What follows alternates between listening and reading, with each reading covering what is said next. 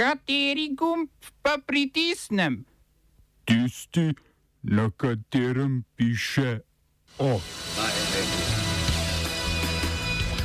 Na predčasnih volitvah v Kanadi slavili liberalci premijeja Tridoja. Nova libanonska vlada uspešno prestala glasovanje o zaupnici. Polski denarna kazen zaradi še vedno odprtega rudnika premoga ob meji s Češko. Novi direktor televizije Slovenija postal Valentin Areh.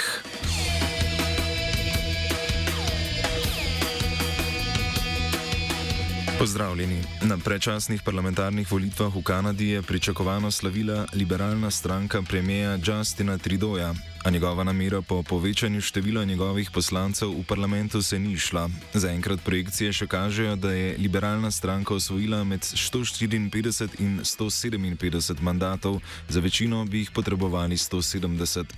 Konservativci so po projekcijah osvojili 121 ali 122 sedežev. Za nje je sicer enako kot leta 2019 glasovalo več voljivcev kot za liberalce, a so zaradi kanadskega večinskega volilnega sistema dobili manj sedežev v parlamentu parlamentu. V novem sklicu parlamenta bodo sedeli še levi novi demokrati, blok Quebecois in verjetno tudi stranka zelenih. Justin Trudeau bo tako očitno še naprej vladal z manjšinsko vlado.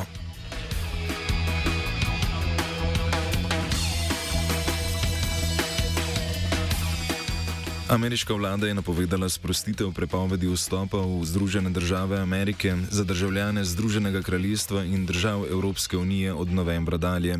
Za vstop v ZDA bodo morali potniki poleg potrdila o cepljenju proti novem koronavirusu posedovati še negativni COVID-19 test. Trenutno v državo še ne smejo tisti neameriški državljani, ki so bili v zadnjih 14 dneh na Kitajskem, v Indiji, v Južnoafriški republiki, v Iranu ali v Braziliji. Prepoved vstopa vstopa za neameriške državljane je marca lani zaradi razraščajoče epidemije uvedel nekdani predsednik Donald Trump.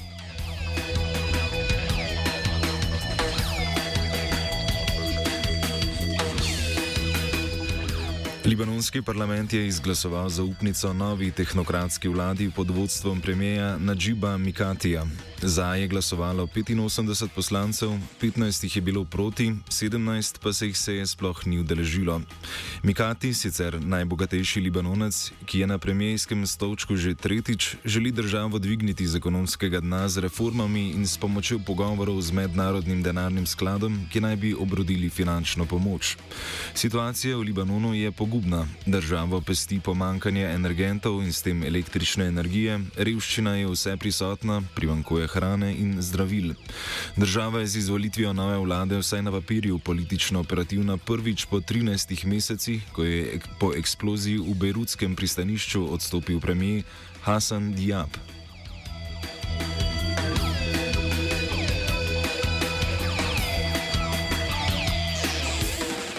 Po poročanju sudanskih državnih medijev so v državi preprečili državni udar.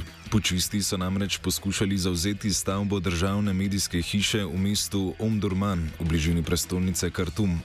Mesti povezuje eden izmed glavnih mostov čez reko Nil, ki so ga zablokirale varnostne sile. Od jutra naj bi bilo v povezavi z udarom prijetih najmanj 40 vojaških častnikov, vladni govorec pa je dejal, da za neuspelim pučem stojijo pripadniki režima nekdanjega voditelja države Omarja al-Bashirja.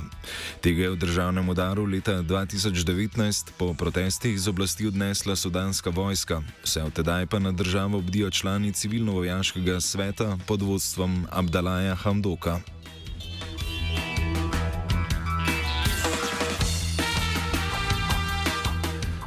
Evropsko sodišče za človekove pravice je odločilo, da je za umor nekdanjega sovjetskega in kasneje ruskega vohuna Aleksandra Litvinenka odgovorna Rusija. Po mnenju sodnikov namreč obstajajo dovolj trdni dokazi za stališče, da sta Litvinenka likvidirala nekdani varnostnik ruske obveščevalne službe KGB Andrej Lugovoj in Dimitrij Kovtun. To je sicer pokazala že preiskava Združenega kraljestva leta 2016, oba pa očitke zavračata. Eurazijska velesila že tedaj na čelu z Vladimirjem Putinom, poleg tega ni zagotovila zadostne razlage dogodkov, hkrati pa ni zagnala domačih preiskav. Aleksandr Litvinenko je umrl v bolnišnici leta 2006 po zastrupitvi z visoko radioaktivnim strupom polonijem 210.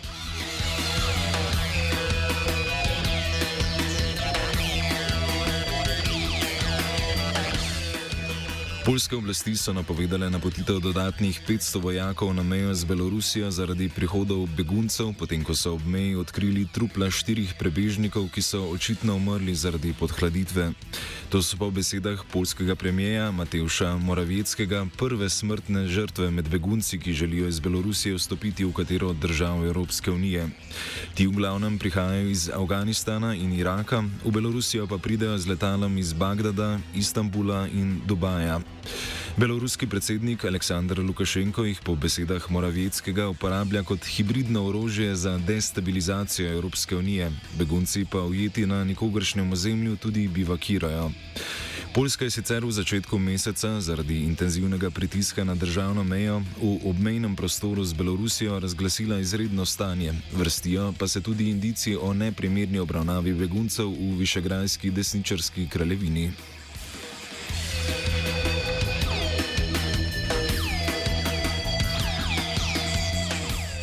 Še vedno ostajamo pri polskih mejnih težavah. Evropsko sodišče za človekove pravice je Polski naložilo kazen 500 tisoč evrov dnevno, dokler oblasti ne zaprejo rudnika premoga v kraju Turov ob meji s Češko. Poljska desničarska vlada odločitvi sodišča seveda nasprotuje in po besedah pravosodnega ministra kazni ne misli plačevati. Čehi so marca namreč potožili, da zaradi odprtega kopa lignita iz okolice odteka podtalnica, maja pa je omenjeno sodišče sklenilo, da morajo v Turovu Poljaki prenehati z eksploatacijo. Poljsko državno energetsko podjetje PGE Group ni sledilo odločitvi sodišča, saj da mora odloči, izločitev premoga iz proizvodnje električne energije trajati dlje. Koncesijo za izkopavanje so že aprila podaljšali do leta 2044. Na polskem iz premoga sicer pridobijo 70% električne energije.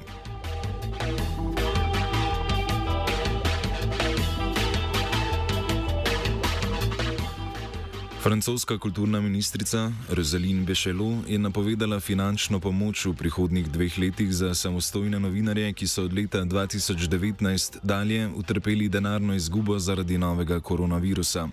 Pogojev je še več, a dodajmo zgolj, da je za pomoč namenjenih 29,5 milijona evrov. Oba, če, če bom odgovoril na angliški. Slovenija bo poskušala pomagati. Slovenija bo naredila naš utmost, da bo rekla, da je situacija naš problem, sami. In mi bomo naredili nadaljnje korake, as soon as the conditions are. Bomo vlado Marjana Cererera Šarca podprli. Very, very serious. News from Slovenija. We know how and we will. Novi vršilec dožnosti na televiziji Slovenije je postal novinar in urednik Valentin Areh. Na položaj ga je imenoval generalni direktor RTV-ja Andrej Grah Watmov, še prej pa so Areha potrdili programski svetniki. Prejel je 19 glasov za, 2 proti, 2 sta se vzdržala, eden izmed prisotnih svetnikov pa ni glasoval.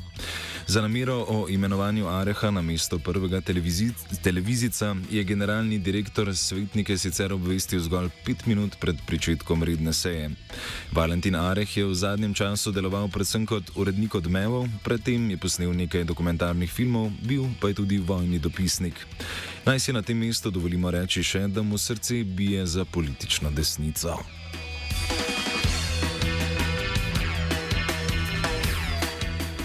Vlada je po včerajšnji, kaj pa k dopisni seji, državnemu zboru v obravnavo poslala dopolnjen predlog zakona o debirokratizaciji. Cilji ostajajo enaki: izboljšanje stanja administracije in konkurenčnosti v poslovnem okolju v državi. Črtane so nekatere določbe, spremenjeni so nekateri podatki, osvežen pa je tudi 69. člen zakona o že veljavnih predpisih. Vlada je prvo besedilo zakona v parlament poslala že marca. Prvi med poslanci Igor Zorčič pa je na petkovem kolegiju državnega zbora opozoril, da bo za sprejem mega zakona potrebna dvotretinska večina, saj je bil en iz, eden izmed zakonov, v katerega posega debirokratizacijski, leta 1996 sprejet z dvotretinsko večino večino. Logično bi bilo, da bi vlada spremembo določb, ki so bile sprejete z dvotretinsko večino, umaknila, a zaenkrat to še ni jasno. Uh, Za konec še novica iz opozicije. V času torkovega kosila se je iz opozicijskega dimnika zakadil bel dim. Voditelji opozicijskih strank SD, SAP, LMŠ in Levica so namreč parafirali besedilo sporazuma o povolilnem sodelovanju. Skupni dokument je avgusta prvi predlagal komedijant, gasilec in nekdani premijer Marjan Šalerc v želji po normalizaciji države, po oblikovanju nove vlade brez Janševe SDS in po dogovoru da bo morebitno levo-sredinsko vlado vodil mandatar oziroma mandatarka iz stranke, ki bi od omenjenih štirih prejela največ glasov. Več podrobnosti o besedilu sporazuma zaenkrat še ni, o njem pa morajo odločati še organi vključenih strank.